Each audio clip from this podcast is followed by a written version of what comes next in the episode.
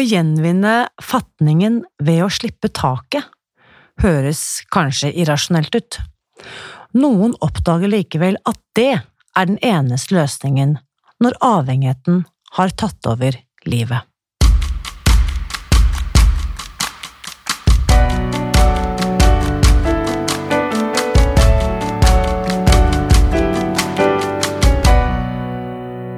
I dag skal du få møte Petter. Eller han heter egentlig ikke det, men det spiller ingen rolle, historien han skal fortelle, handler nemlig om noe større, som er mye større enn ham. Nemlig tolvtrinnsfilosofien.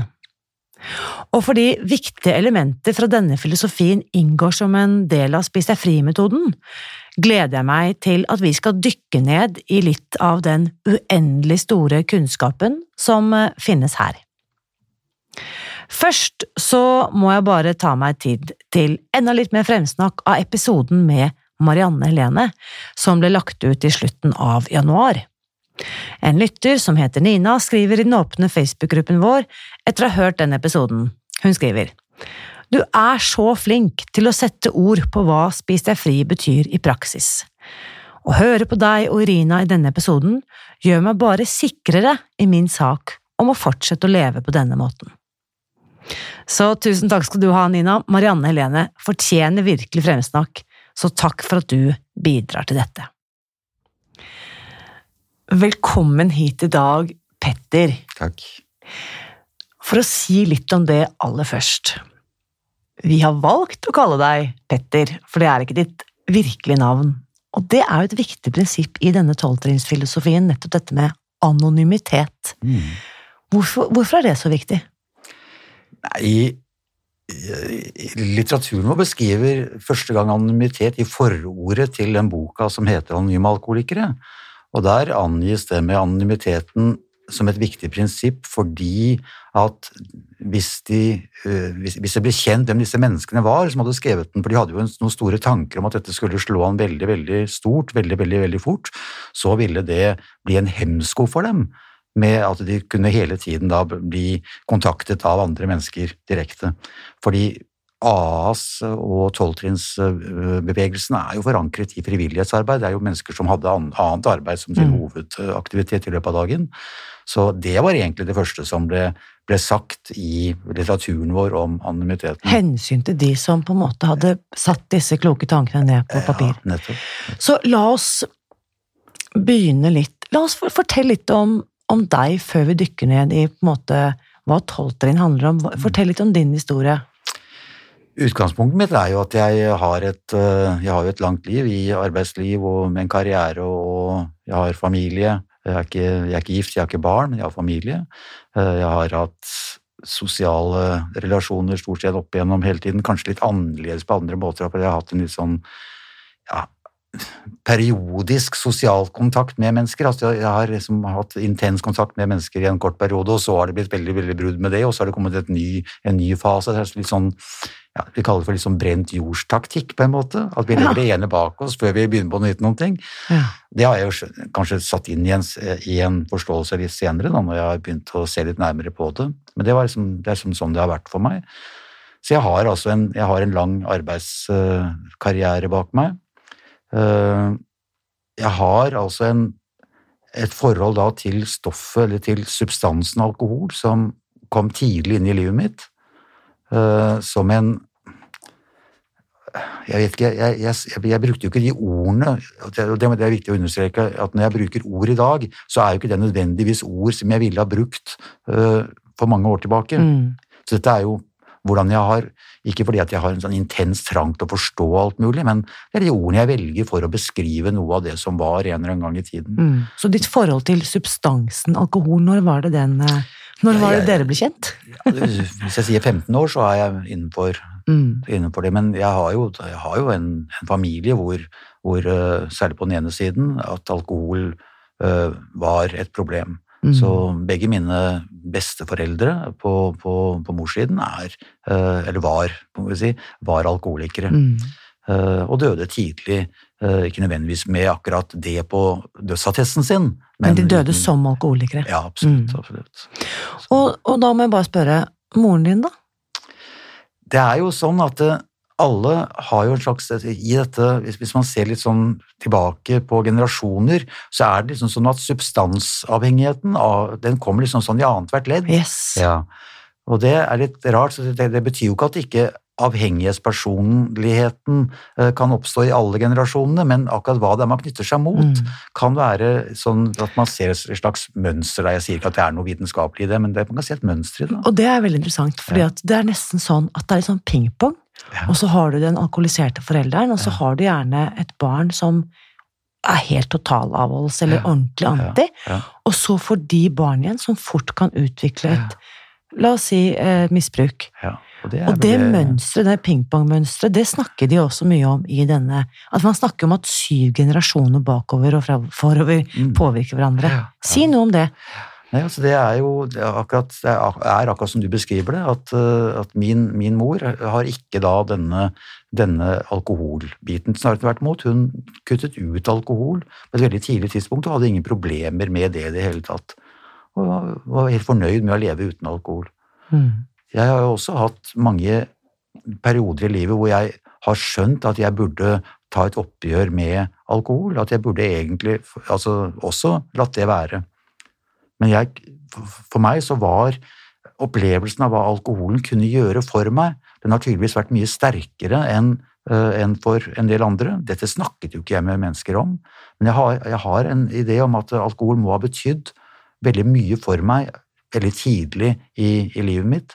Så det har ligget altså som en slags form for det er jo antakeligvis underbevisstheten, da, ligget som en eller annen idé da, om hva alkohol kan gjøre, når jeg ikke egentlig liker tilværelsen uten alkohol.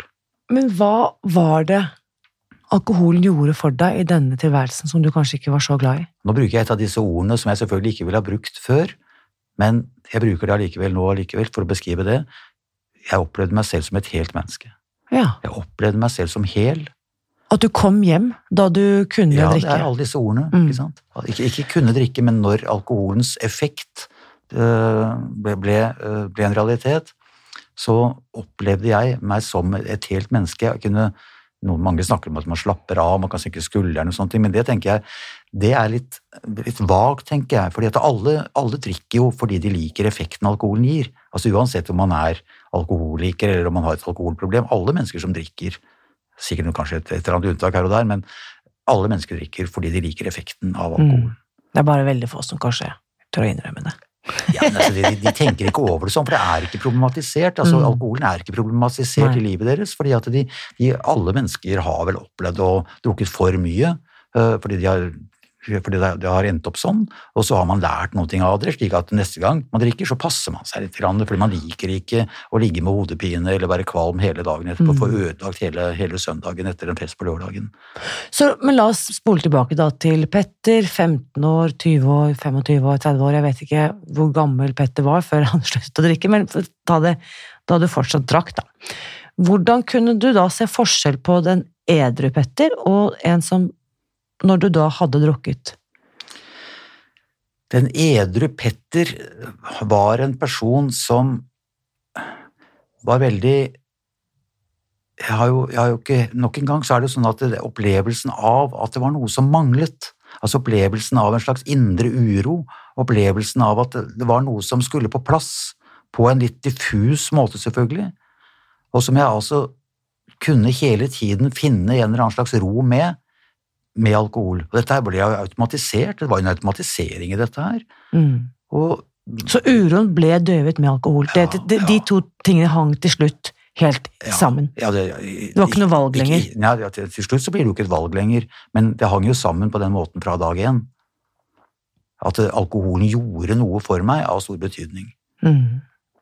Og etter hvert så blir det jo veldig låst fast, fordi at det er jo Alle vet jo det at dette her er jo noe som har en progressiv natur, slik at inntaket av alkoholen blir større, og fysiske, de fysiske problemene oppstår rundt det. Så det mm. blir jo etter hvert et problem. Altså det det er en løsning som etter hvert blir et problem. Men allikevel, selv om det kan fremstå som et problem, så er det ikke noe alternativ. Og alternativet, det å gå med denne Å ha det jævlig, rett og Å ha slett. det jævlig, det er jo ikke en Det er jo ikke et alternativ. Nei, det er ikke noe alternativ. Så hva er det da, hvor gammel er du når du da skjønner at nå er det problemet, når den løsningen, da, alkoholen, den løsningen er blitt så vond øh, å ty til, Mm. så nå er ikke det heller et, en løsning lenger. Nå er det problemet på en måte blitt for stort. Hvor gammel er du da? Jeg er vel rundt 40 år, tenker jeg. Ja. Ja. Jeg vil tippe, hvis du er som veldig mange andre jeg kjenner, det tok en liten stund fra du skjønte at dette er et problem, til at du var i stand, eller villig, eller klar for å gjøre noe med det. Ja. Ni, år, ni år.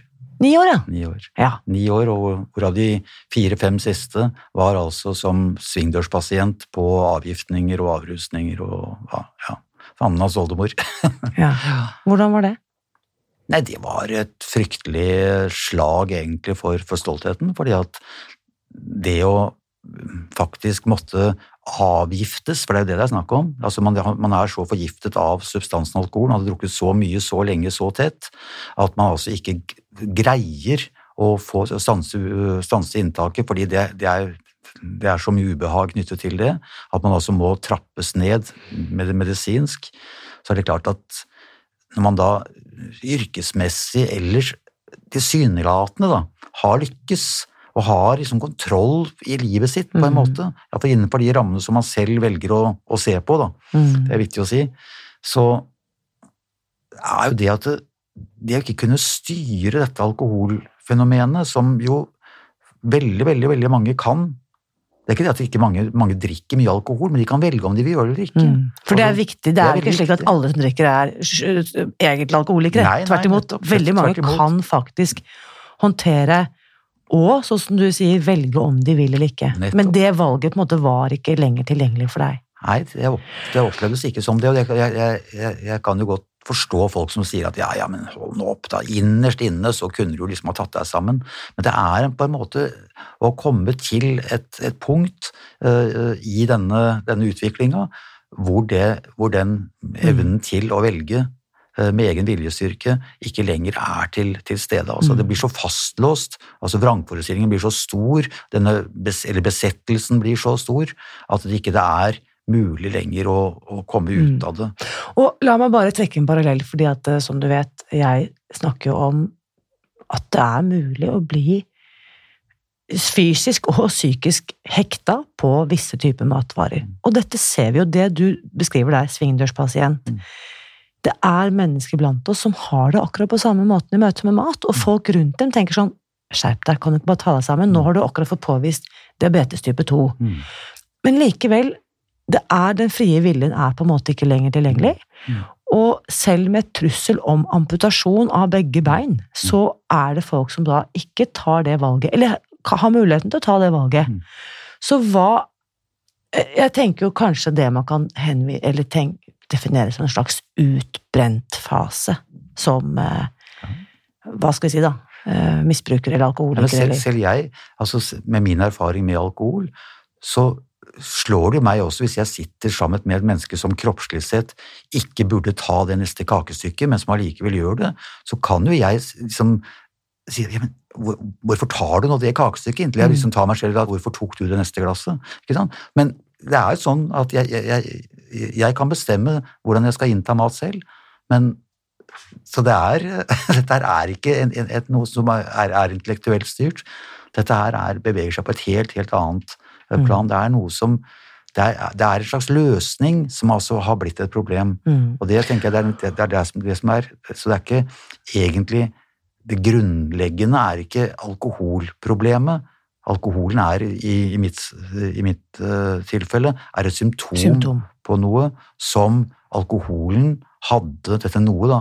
Alkoholen hadde en veldig, for meg, eh, positiv effekt. Yes. Mm. Og det kan være da denne uroen, for eksempel, som du Kall det beskrev. det, Så kan denne alkoholen være den medisinen som døyver den uroen, Mm. og for andre kan det være den maten. Mm. det kakestykket. ja. Så uh, hvor ille er det på dette tidspunktet? 40, sa du, og så er det ni år som du, du skjønner at du har et problem. Uh, hvor, ille, hvor ille blir det? Drikker du deg fra gård og grunn, og havner du liksom skjønner på gata, eller altså, hvor, hvor langt drar du strikken? Nei, det er ikke, det er ikke min, min, historie. At det, det raknet på, det, på, på, ytre, på, ytre, omstendigheter. Og det hadde også litt med hva slags jobb jeg hadde øh, også. At jeg arbeidet For det første så var jeg øh, ja, premissleverandør i mitt eget yrkesliv, fordi jeg var da jeg var leder. Uh, og jeg jobbet innenfor en bransje hvor det å drikke uh, i, uh, på den måten som jeg drakk, det var kanskje ikke sett på som så veldig uh, unormalt, egentlig. Så jeg må jo si på en måte, jeg, For meg så, så, raknet veldig lite av de ytre strukturene. Og det er jeg helt overbevist om, at det er ikke det som heller er det avgjørende. Det avgjørende er ikke de ytre omstendighetene, det er den indre tilstanden. Mm. Dette er det man i AA-litteraturen snakker om sin personlige bunn.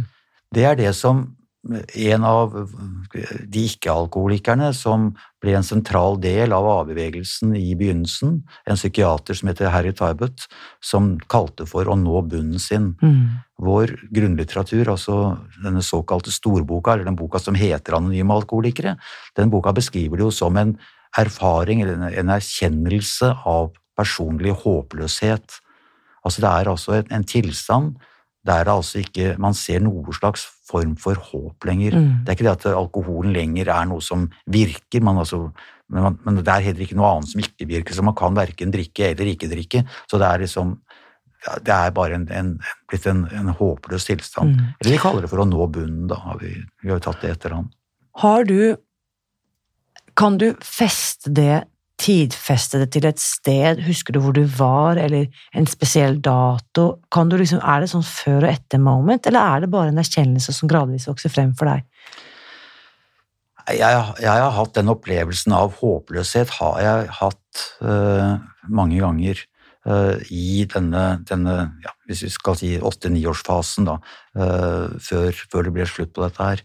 Så har jeg en opplevelse av den håpløsheten, men noe av, av, av, saken var at jeg hadde jo hele tiden det at eh, jeg, jeg syntes liksom hver gang jeg hadde lært en lekse Altså når jeg da hadde vært innlagt på, på, på en avgiftning, så liksom syntes jeg liksom jeg hadde lært en lekse, så jeg kunne, jo, jeg kunne jo da nærmest si til meg selv, til tross for historikken, da, så kunne jeg si til meg selv at denne gangen her så skal jeg klare det.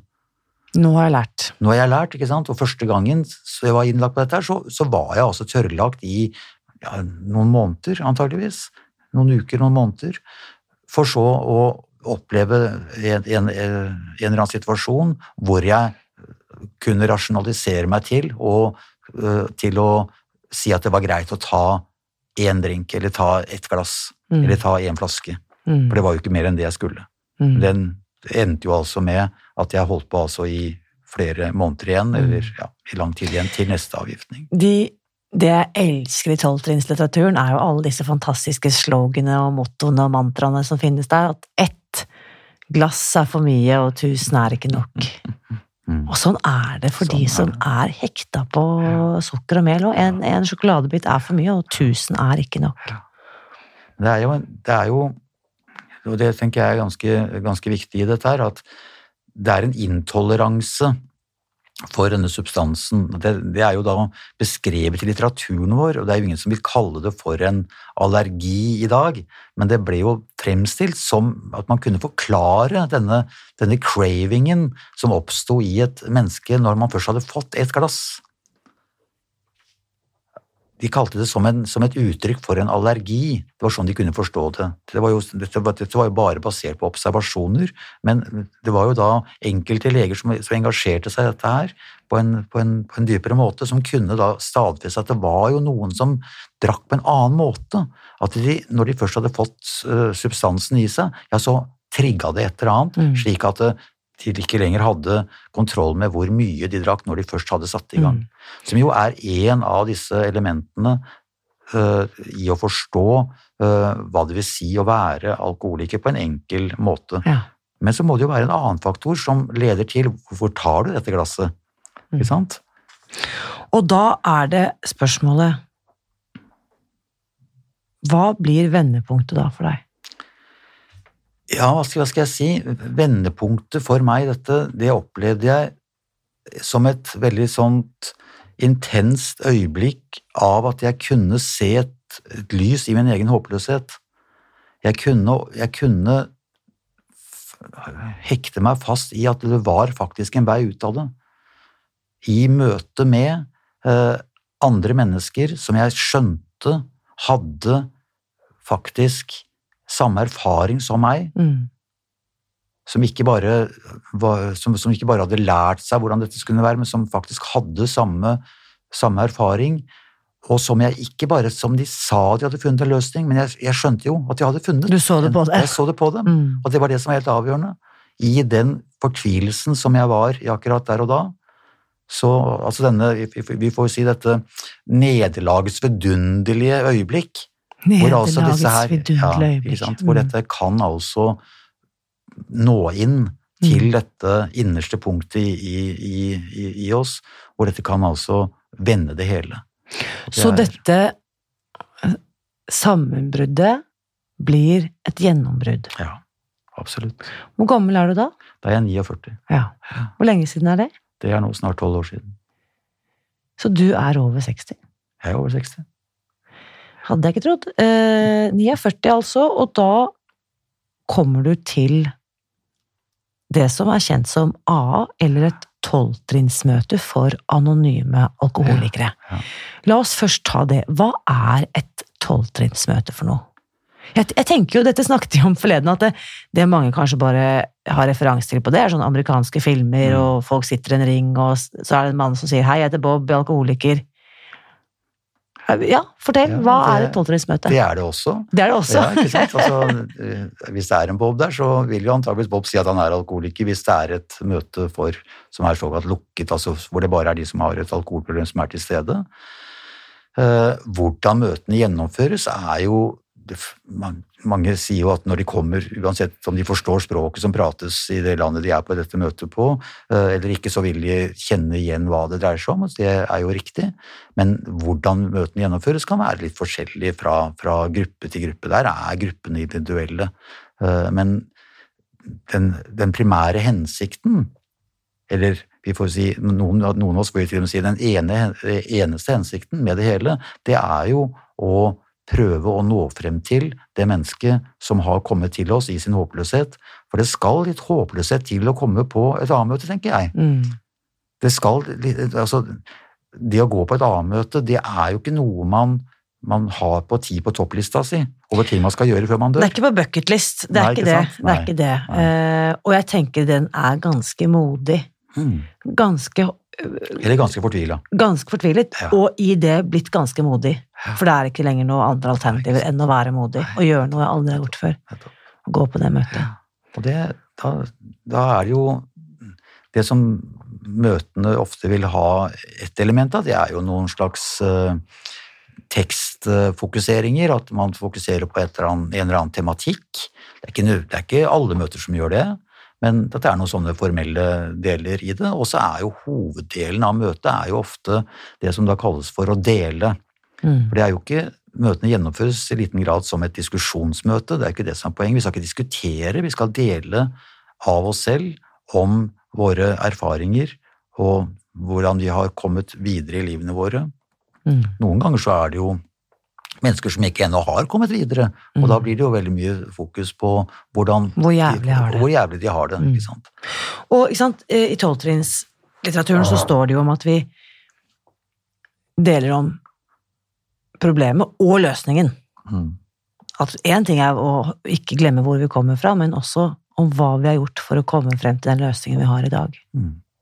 Og jeg tenker begge deler er jo ekstremt viktig for de som ramler inn på sitt første møte og hører at det faktisk er en løsning. At det ikke her sitter en gjeng med forsofne folk som sitter og bare klager hvor fælt de har. For det er, det er viktig en del av, av, av reisen å få lov til å klage litt. Det er lov, det òg. Og det er jo, men det er, det er veldig på mange måter litt trist, fordi at eh, for folk flest, og ikke minst for fagfolk også, så eh, hvor ofte treffer de såkalte rehabiliterte alkoholikere? Fordi at eh, veldig ofte så er jo det bildet mennesker har av alkoholikere, det er jo de som fortsatt er aktive. Det er de som, er de som fremsettes, det er de som fremstilles.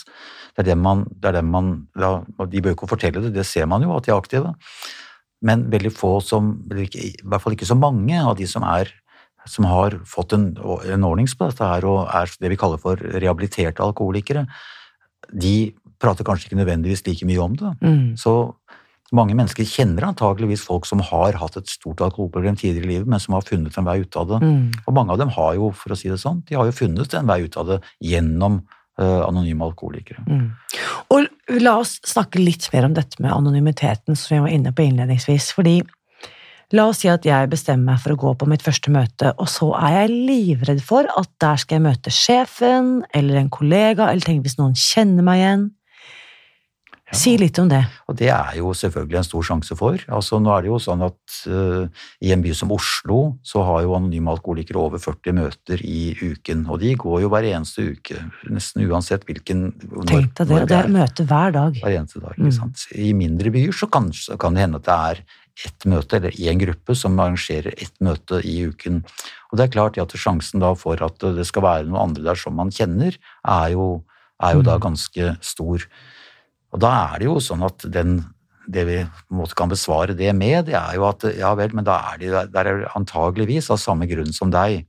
Mm. Så, sånn sett så kan jo det formidle litt. Grann. Og så legges det jo vekt på, selv om man skriver jo ikke under noen taushetserklæringer eller noen sånne ting, men man legger jo vekt på at det, det vi, altså de menneskene vi ser der, de, altså hvem det er, det, det lar vi bli akkurat Mm. der de, eh, innenfor de fire veggene. Mm. Og det vi hører på de møtene, altså de historiene, de delingene som så fremkommer, det tar vi med oss i hjertene våre. Mm. Altså, Vi prøver å bruke det, for det er jo det som er hele hensikten med disse delingene. Det er at det, det kan jo være at det kan være til nytte for andre mennesker.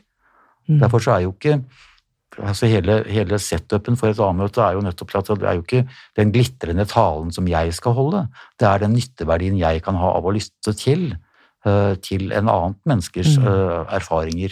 I hvilken format det er fremsatt, om det er veldig flott fremført eller om det ikke er det, det er av underordnet betydning.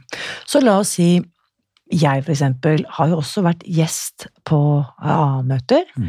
og det er jo ikke det som er mitt primære, min hjemmegruppe. Jeg går jo et annet tolvtrinnsfellesskap, selv om alle disse er knyttet, og vi, vi bygger jo rundt den samme filosofien. Mm. Og da tenker jeg også at, la oss nå si at du, den som hører dette lurer på, ja, lurer på om det kanskje kunne vært noe for meg, for jeg har kanskje truffet en bunn av flasken, og jeg finner ikke noe mer der nede. Mm. Hvordan skal jeg gå frem da? Eh, Må jeg melde meg på? Må jeg øh, Koster det noe? Hvor finner jeg denne møteoversikten? Nei, altså, dette er jo der hvor AA skiller seg fra ethvert annet, stort annen eh, organisasjon. og Derfor så kaller vi oss jo heller ikke for en organisasjon, vi kaller oss jo for et fellesskap. For vi er altså en vi er en løst sammenknyttet vi si, gruppe mennesker. Mm. Men når jeg sier løs, så sier jeg det med Nå er jo dette radio, så jeg, jeg får jo ikke helt øh, vist det, men jeg sier det jo det i gåseøynene. Med Ja, fingre i luften. Med fingre, fire fingre luften. Løst. Ja.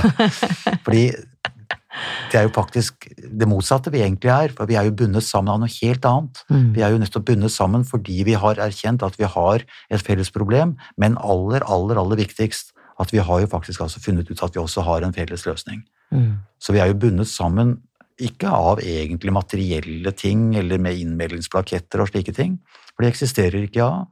Det er ingen som, det er ingen som spør deg egentlig hva du heter til etternavn, det er ingen som spør deg sånn av registreringshensyn hva du arbeider med. Trenger ikke oppe adresse eller telefonnummer eller. Det er ingen som, for, som forlanger at du skal si noen ting. Mm. Du oppfordres til å ta del i disse tingene, men du, Du kan faktisk komme og bare lytte. du kan komme, du kan lytte, du kan komme to ganger, én gang, og du kan velge aldri å komme tilbake. Det er ingen som vil prøve å, å dra deg tilbake Mm. eh, til et sted hvor du ikke være. Alt i AA er basert på frivillighet. Mm. Og så er det dette med på internett, så finnes, hvis man søker på AA eller anonyme alkoholikere, så kommer det opp en lang liste, et solid eh, nettsted med masse oversikt der. Og der ligger også mange av disse tekstene du refererer til. Ja.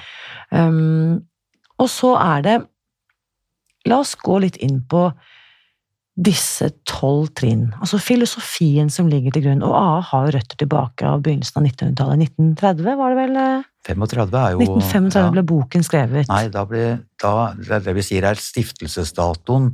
Fordi da hadde den første som ble edru i desember 34, da hadde han altså funnet en til.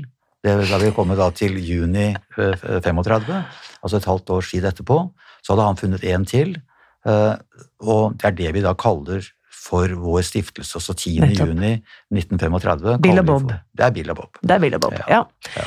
Eh, så, og, da, og boken den blir da skrevet Den blir da, kommer da ut i 1939. Så kommer boka, boka ut. Storboken Ja. 'Anonyme alkoholikere' ser ut som en eh, solid rød bibel. En murstein. Ja, ikke om den er rød, eller den har jo kommet i forskjellige utgaver. Ja, det er for så vidt det er forskjellig, Men den, eh, den kom ut da i 39. Nettopp. April 39. Og dette er fra USA. Det er fra USA. Mm. Ja. Og de som har skrevet boken, det er anonyme forfattere. 100 bidragsytere. Ja, vi liker jo å si at det er mer enn 100, men altså det, er, det, var en, en kjernegruppe i, i 1937 som fant ut de, de, de, de, er, de, de, de, de, Det gikk opp for dem at de da hadde funnet en vei i dette med å løse dette alkoholproblemet, som gjorde at folk som tilsynelatende var helt håpløse, fordi at disse menneskene var jo altså kroniske alkoholikere, mennesker som hadde vært igjennom alskens mulige tiltak, og mange av dem med psykiatri og innleggelser og frem og tilbake, eh, men som da plutselig ved å, ved å følge en, en, en spesifikk eh, ja, liker kanskje ikke ordet, men kall det en metode, en tilnærming, kunne da altså bli løst fra dette, denne skal vi si, besettelsen Mm. som knyttet seg til dette med, med, med alkohol. Og det var jo det som gikk opp for dem. Og så bestemte de seg for at dette er av stor betydning, og dette bør vi prøve så godt vi kan og få laget en beskrivelse av. Ja. Og en del, og ikke hele boken, men en del av den boken beskriver disse tolv trinn. Ja. Hva kan vi si om de tolv trinnene, den prosessen? Fra første til tolvte trinn. Ja, det, er veldig, det er jo en veldig strukturert uh, fremgangsmåte. Uh, ikke vanskelig i det hele tatt, ikke vanskeligere enn i det at de innebærer jo selvfølgelig en ja, hva skal vi kalle for en, en, en mengde innrømmelser som jo selvfølgelig kan være vanskelig å, å, å, å innrømme. Det er det vanskeligheten, men selve, selve metoden som sådan er ikke, er ikke vanskelig. Og den starter jo selvfølgelig med å innse denne, det vi kaller for en maktesløshet overfor denne substansen, og da for Mm. alkoholikerne så er det da maktesløsheten i forhold til alkohol. Og at eh, livene våre er Altså, vi kommer ikke videre i livene våre. Så er det, er en slags form for stadfestelse av denne nå-situasjonen. Av at Mm. jeg, jeg har kommet til veis ende. Jeg kommer ikke videre. Jeg veit ikke hva jeg skal Mm. Jeg har kommet til veis ende. Dette ordet jeg husker da jeg begynte i mitt tolvtrinnsfellesskap, så måtte jeg bruke, og jeg er jo over gjennomsnittet glad i ord. Mm. Um, maktesløshet, det syns jeg var ekstremt gammeldags, arkaisk. Det tok meg lang, lang tid å trenge inn i hva er det som egentlig menes. Og så var det en som sa til meg Irina, det handler bare om å innrømme at du ikke lenger har kontroll. Mm. Og da var det som om noe liksom falt på plass. Bare å ja, det Mm. har jeg nå, det har jeg skjønt. Jeg har ikke kontroll. Mm. Altså det opprinnelige ordet som brukes i originalteksten, er jo 'powerless'. Powerless. Så det er jo ikke det at du egentlig ikke har kraft. Du har ikke nok kraft. Ikke? Altså det, det, Ja. uansett, er altså Jeg liker det bildet av mannen som står ute i synkemyra og prøver å dra seg opp. Han kan være også kjempesterk. Han prøver å dra seg opp av den myra ved å dra seg opp etter støvlene ute i myra. Ja. Det går Fantastisk. selvfølgelig ikke. Uansett ikke. hvor mye kraft han har, så går det altså ikke. Han synker videre. Så, så trinn én, her står jeg i synkemyra. Dette får jeg ikke til. Jeg må Mm. bare liksom kaste hendene i været. Jeg er maktesløs, jeg har ikke kontroll. Her synker jeg. Mm. Og hva skjer da? Hva er de, hva er de øvrige trinnene? Ja, de øvrige trinnene er jo da, de går jo da i, det trinn, i, i trinn nummer to, som, som, som sier noe om at vi, vi kom til å tro at en, en, en makt større enn oss selv kunne gi oss vår sunne fornuft til, til, tilbake, eller uh, restore us to sanity. Uh, kanskje bedre uttrykt som at det kunne gjøre oss til hele mennesker. Mm. Uh, at det er det som egentlig ligger der. Det det er et perspektiv i sinnet hos alkoholikeren som er fragmentert. Det er et perspektiv hvor alkoholikeren egentlig ikke har bevissthet om seg selv som et helt menneske. Så det er jo egentlig en hel beredelse vi snakker om, forstått, Ja, ikke sant? ja. På den måten. Eh, Så det er jo det er jo strengt tatt en beskrivelse av den løsningen som, som anonyme alkoholikere stiller opp for i forhold til det mennesket som har innrømmet denne totale uh, fraværet av kontroll, og hvor livet egentlig ikke lenger er uh, til, å, til, å, styre. Og i dette andre trinnet, at vi kommer til å tro, det liker jeg også at det er en slags reise som ligger foran oss. Det er ikke sånn at det pling, og så tror vi. At vi kommer til å tro dette kan jo være dette aldertrinnet, kan jo noen av oss bakse litt i lengre tid med.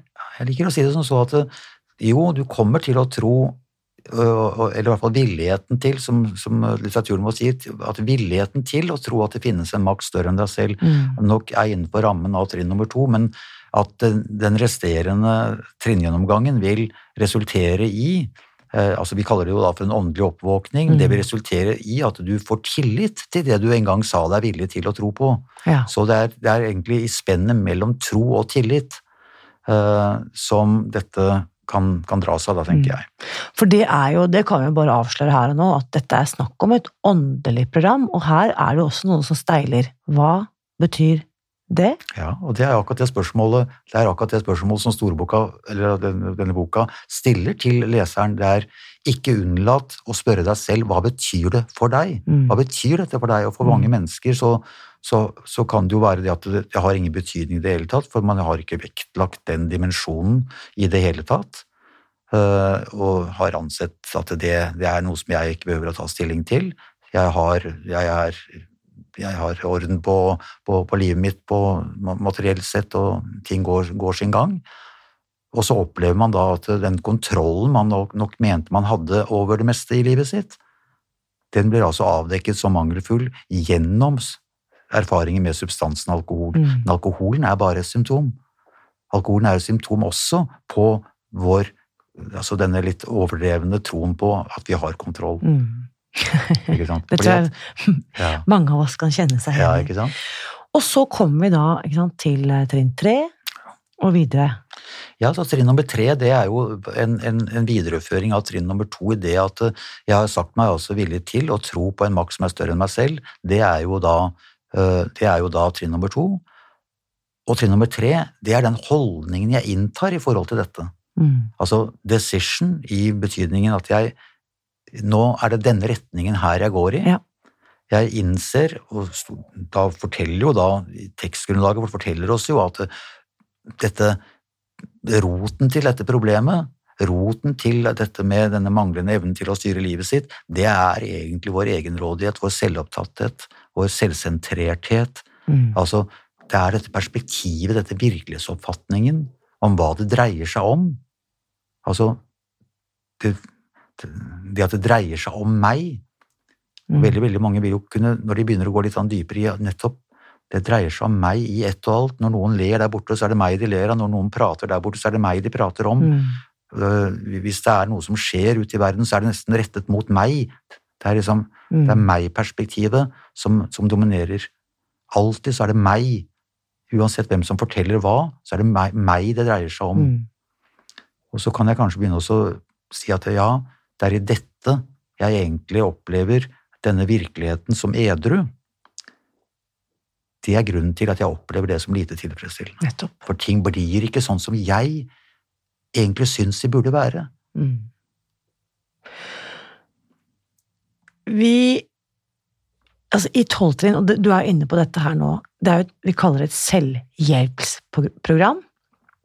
Uh, ja, det har vi jo begynt å kalle det for. Det er mange av oss som ikke bruker det ordet. Nettopp, det er jo, Innrømmelsen er jo nettopp at nå, nå, Dette blir veldig sånn ordkløyveri, men altså, det er nettopp innsikten i at jeg ikke kan hjelpe meg selv. Ja, men, men, vi hjelper hverandre. Ja. Så det er et hverandre, hjelpe hverandre-program, tenker jeg da.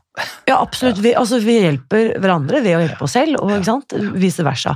Også selvutvikling opplever jeg eh, at mye av dette handler om, ved at jeg vikler ut selve. Tar en mm.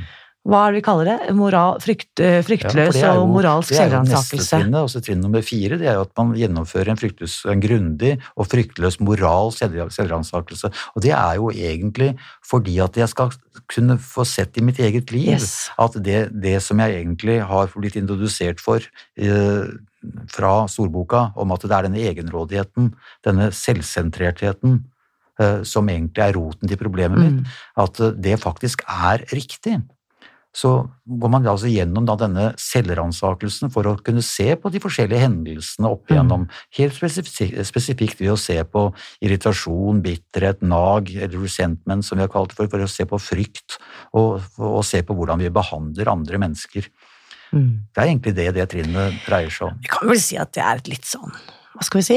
Det er en grunn til at det er fjerde trinn og ikke første trinn, for det er litt Det er- ubehagelig. Det er, en, det er en grunn til og dette, eh, fordi at det, tredje trinnet vi, vi, vi sa, Jeg sa jo ikke hva, hva den teksten er, for der er det jo at vi bestemte oss til å overlate vårt liv og vår vilje til Guds omsorg, og så da selvfølgelig med denne, til, eh, denne, dette tillegget slik vi selv oppfattet ham.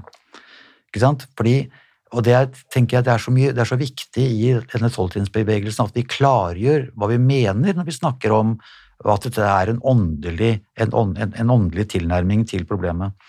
Fordi at hvis, fordi at Du var inne på det spørsmålet, hva betyr denne åndeligheten? Jo, den åndeligheten betyr egentlig Det er, det er noe som beveger seg på et bevissthetsnivå. Det er en bevissthet om en større sammenheng. Det er en bevissthet om at jeg er en del av, men det er ikke meg det dreier seg om. Mm. Men jeg er en del av det. Det er ikke det, er ikke det at det, Derfor blir det veldig vanskelig hvis man tar en åndelig tilnærming. Så denne grundige og fryktløse selvransakelsen, moralske selvransakelsen, den for min del husker jeg at den også skiftet perspektivet mitt, for at det var ikke bare verden som hadde påført meg masse dritt, men jeg hadde kanskje ikke vært helt uskyldig, jeg heller. Nei, og det er jo, det er jo mange av oss som, som jo omtaler dette fjerde trinnet. Det er jo ikke så fryktelig mye Det er jo egentlig ikke den store sannheten nødvendigvis vi skal drive og, og, og, gå etter hele veien der. Det er jo egentlig løgnene. Altså, det er løgnene våre som kommer frem gjennom den moralske se- se- selvransakelsen. Alle disse, eh, disse fordommene våre, alle disse skal vi si, grunnløse eh, beslutningene vi har tatt i livene våre opp igjennom, som egentlig har stått i veien. Mm. Og veldig mye av det er jo forankret i, vil nok mange si, er jo forankret i at jeg har, jeg har ikke hatt et, et fullt perspektiv på meg selv som menneske. Jeg har prøvd å få til så godt jeg kan. Mm. Derfor så blir mye av disse Vi snakker jo mye om karakterdefekter, og liksom, det er jo ikke alle som liker det, da, men det er det som det beskrives. Det blir jo på mange måter strategier for å overleve uten Mm. egentlig å ta med seg alle de tingene som, som et menneske nå en gang består av. Og så veien videre, øh, hvor man har både ritualer for å fortelle om dette til andre, og også ta ansvar for de handlingene man har gjort, Mm. som man gjør senere i trinnprosessen, som også er grunnen til at det kommer et stykke uti der, Mm. før man kommer til det tolvte trinnet, Mm. hvor man på en måte har fått en helhetlig, et overblikk over både problemet jeg har hatt med meg, eh, hva jeg har påført både meg selv og andre, og dette har jeg nå tatt ansvar for, og har nå daglige rutiner for å ivareta meg Mm. selv, så kommer man til dette tolvte trinnet. Mm. Og fortell litt om det. Ja, der, der, konstateres jo, altså, der konstateres jo at vi har hatt en åndelig oppvåkning. Altså, da tenker jeg som så sagt med andre ord, da har jeg en bevissthet om at jeg faktisk er en del av en større sammenheng. Det er ikke det at, det, det er ikke det at jeg har bare en bevissthet om at det er en større sammenheng, men at jeg er en del av den også. Mm. Slik at dette er på en måte en slags form for eh, en slags opplyst selvsentrerthet. At jeg, jeg ved, ved å ivareta disse tingene som er i denne sammenhengen, ja, så ivaretar jeg også meg selv. Så det er ikke det at jeg på en måte skal være selvutslettet, det er jo ikke et selvutslettelsesprogram. Dette er egentlig å komme, å komme inn i en, i en sammenheng som jeg også i dag vil jo si at eh, jeg kan jo ikke velge meg en gang ut da. Jeg kan, jo, jeg kan jo prøve å undertrykke det faktum at jeg er en del av den sammenhengen. Men jeg kan jo ikke velge meg ut av den. Vi er en del av en større sammenheng. Mm. Og det her det er jo det som menes, at det er et spiritual eller åndelig program. Og da vet jeg også at, og med referanser til både i teksten med referanser til Gud og høyere makt, så vil jo noen steile og si sånn, er dette en religion? Er tolvtrinn en religion? Ja, det er jo viktig å understreke at uh, anonyme alkoholikere er jo ikke knyttet opp mot, og det er vel heller ikke noen andre en grad, jeg kjenner ikke så mye til dem, de er vel heller ikke andre tolvtrinnsfellesskap. Det er jo nettopp det at det skal være, det skal være fritt, uh, men det, allikevel selvfølgelig, det, det, det er ikke det samme som at man skal uh, underkommunisere det faktum at dette her er en åndelig tilnærming. Det er altså en indre prosess som selvfølgelig vil også resultere i uh, de valgene og de handlingene som jeg gjør. Vi, vi, vi, vi, omtaler det ofte som et åndelig handlingsprogram, men ikke som et rent handlingsprogram. Så det er et åndelig handlingsprogram i den Mm. forstand at jeg, jeg får et nytt perspektiv på tilværelsen min jeg, og meg selv i denne sammenhengen, som vi kan kalle det for. Mm. Noen kaller den sammenhengen for Gud. Andre Mm. har andre navn på det, eller jeg har ikke navn på det i det hele tatt. Men så vil handlingene mine fordi at hvis jeg, hvis jeg ikke på en måte gjør så godt jeg kan og prøver å bidra i den sammenhengen, så skader jeg jo egentlig meg selv. Mm. For jeg er jo en del av den sammenhengen, så det er jo til vårt, til vårt felles beste. Mm. Derfor så er jo ordet 'jeg' er jo ikke et ord som går igjen så veldig mye i vår litteratur. Det er 'vi' Mm. som, er, som er ordet. Så det er å komme på et møte, hva kan vi sammen få til i dette møtet? Det er ikke hva jeg kan Ja. få, men hva kan vi få til? Og det um, Vi snakker om denne større sammenhengen, og det kan jo da, sånn som du er inne på, for noen være denne en gud. Og for, jeg husker for meg i begynnelsen så var det bare den større sammenhengen jeg klarte å sette det inn i, var gruppen. Altså selve møtet, selve tolvtrinnsmøtet. Så tenkte jeg ja, ja, jeg trenger egentlig ikke å komme inn her og mene eller bestemme eller kontrollere noe, noe som helst. Mm.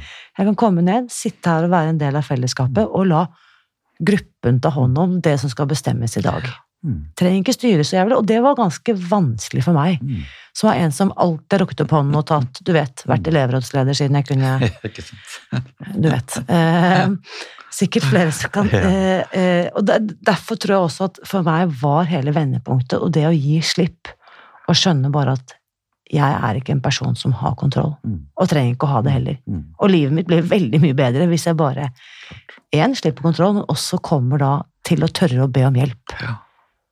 Ja. Mm. Det, er, det er jo akkurat det som Du kan tørre å be om hjelp, men altså, av og til så kan det høres ut som om vi snakker om en sånn, sånn der, hele sånn krise, krise, krise. At vi så alltid er i en krise med å be om hjelp. Men det er jo det å ønske å sam, eh, samhandle. Altså det at det for jeg, jeg kjenner meg veldig veldig godt igjen i den beskrivelsen du har, dette med rekke opp hånda og sånne ting. Jeg husker i barneskolen, alle, altså alle de andre i klassen syntes det var så kult å være på gruppe sammen med meg. Ikke fordi at, det ble, at jeg var så flink, men da slapp de å gjøre noen ting selv. Mm. For jeg syntes alltid det var så greit, når det alt kommer til alt, så kunne jeg gjøre alt sammen, for da fikk jo jeg som jeg ville. Mm. Og det var mange som klappet jo for det, og syntes jo det var en veldig fin greie, egentlig. da.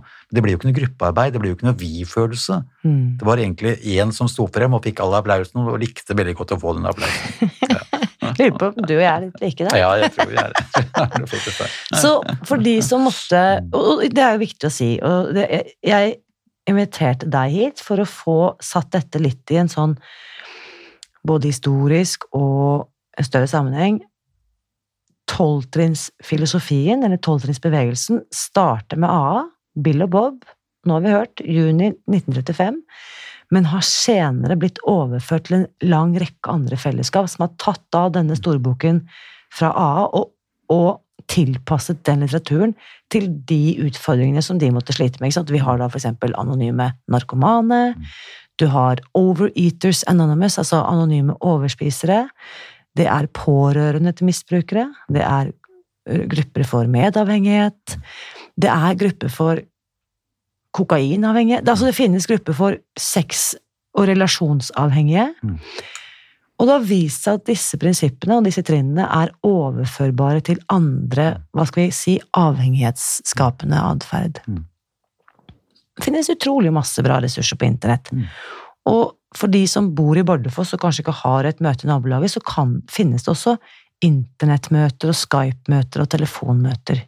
Og ikke minst så er jo muligheten for, hvis man da har selv fått hjelp, og bor et sted hvor det ikke er en gruppe, så er jo muligheten Det er jo, skal jo ikke med en én til til. Altså som, som i juni 1935. Hvis man er så skulle bare en, Mm. og den andre personen dukka jo ikke bare sånn opp av seg selv, ut av en hatt. Det andre mennesket var det jo den første som oppsøkte, fordi han selv trengte dette mennesket. Mm. Ikke sant? Så det er, det, er, det er innsikten i at det, ja, men jeg trenger en til som kanskje kan drive et menneske som er på et sted hvor det ikke finnes en tolvtrinnsgruppe eller et, et, et, en, en A-gruppe, eh, til å finne det mennesket. Mm. For at det mennesket er der, ja, det kan man være rimelig sikker på. Mm. Det er godt å vite. Mm. Så skulle det ikke være noe møte i nærheten, så kan jeg bare finne en som sliter med det samme som meg, og så kan han og jeg, eller hun og jeg, eh, sette i gang. Og så tenker jeg også det er veldig viktig å vite I yogaen, som jeg har holdt på i mange, mange år, så sier vi 1% teori, 99% praksis. Og det tenker jeg egentlig kunne vært sagt om Toltrin tolvtrinn også, at det handler ikke om å sitte og lese i den boken nå hjemme og skjønne alt som står der. Det vil jeg nesten påstå at det er umulig. Mm. Det handler om å bare gå på det møtet Mm. og lytte til det som blir sagt, og delta så godt man kan. Ja, det er jo da altså vi, vi sier jo at det er sånn ca. 2,3 millioner medlemmer eller folk som bruker AA i, i verden eh, Ja. i, i dag. Enorm global bevegelse. Ja, det en enorm global bevegelse, og dette er jo, de tallene er jo veldig veldig usikre, egentlig, da, men altså, vi, det sier noen ting om størrelsesorden her. Uh, og alt sammen, til syvende og sist, fordi det er klart at det, det finnes mange variabler av hvor, hvor, hvor, man står i selve problemet når man kommer til AA. Mm. Noen er jo, venter jo så lenge som, som det jeg gjorde, og det har vel kanskje noe med en innebygget stahet eh, å gjøre, mens andre kommer mye, mye tidligere, fordi de faktisk er villige til å ta imot en hjelp på et tidligere tidspunkt. Men i det store og det hele så er det en veldig enkel, veldig, veldig enkel fundament for dette. Det, og det er jo egentlig denne samtalen. Det er den samtalen som er avgjørende. Den Mm. samtalen som kan altså foregå mellom to mennesker som altså innser behovet for hverandre. Mm. Og det er jo, Når man begynner å, å, å kontemplere litt over det, så kan man også forstå at ja, men dette er jo dette Dette er jo den, dette er den der nabokjerringa som Gro Harlem Brundtland prata om en eller annen gang på en eller annen nyttårstale for mange Mm. mange år siden. Så noe av spørsmålet er jo hvor har nabokjerringa blitt av? Mm. Er hvis ikke du har en nabokjerring i ditt eh, nabolag, så oppsøk et eh, det kan jo hende at begge, Ah, det kan hende at begge delene kan være lurt. Da. Der finner du sikkert en nabokjerring. Ja, ikke sant? Tusen takk for at du Ja. kunne komme hit i dag. Takk for at jeg fikk komme. Hvis du vil være med i den videre samtalen etter dagens episode, kan du bli med i den åpne Facebook-gruppen vår Spis deg fri. Her snakker vi om alt fra avhengighet til maten vi spiser, og hva vi kan gjøre for å få det bedre.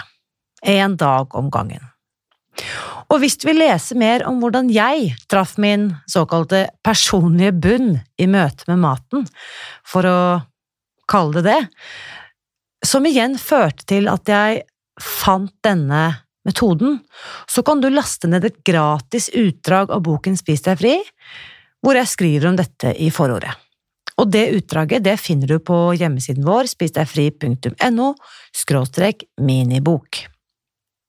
Neste uke får jeg besøk av Ragnhild Lekven Fimreite, som jobber som klinisk ernæringsfysiolog ved Haukeland universitetssykehus i Bergen. Hun skal fortelle oss litt om hvilket behandlingsopplegg som finnes for mennesker som sliter med overvekt og fedme. Så kom tilbake da. Og som vanlig minner jeg om mitt motto, som er at gode nyheter er skapt for å deles. Så hvis du hørte noe som traff deg i dag, så håper jeg du deler denne episoden med andre. Husk også at jeg heier på deg. Alltid.